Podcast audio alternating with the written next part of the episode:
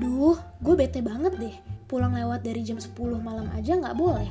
Pergi ke mana, sama siapa, ngapain, semuanya harus laporan. Gue pengen juga kayak orang lain yang gak diatur ini itu. Gue pengen bebas.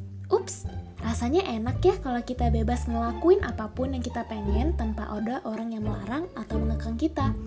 Kebebasan itu belum tentu semuanya membangun dan baik buat kita loh. Sama seperti orang tua yang sering membatasi anaknya atas banyak hal. Tuhan kita juga loh, tapi bedanya dia nggak pernah memaksa kita untuk melakukan pembatasan itu. Di Yohanes 13 ayat 17, Tuhan Yesus bilang sama murid-muridnya, Jikalau kamu tahu semua ini, maka berbahagialah kamu jika kamu melakukannya. Tuh, lihat deh, dia menyampaikan kehendaknya sama kita, tapi kita dikasih pilihan untuk mengikutinya atau menolaknya. Pilihannya ada di tangan kita. Yang perlu kita ingat, apa pun yang dia tentukan buat kita adalah untuk kebaikan kita. Jadi, jangan menyesal kalau kalian kehilangan kehadirannya, karena kalian sendiri yang memilih untuk mengabaikan dia.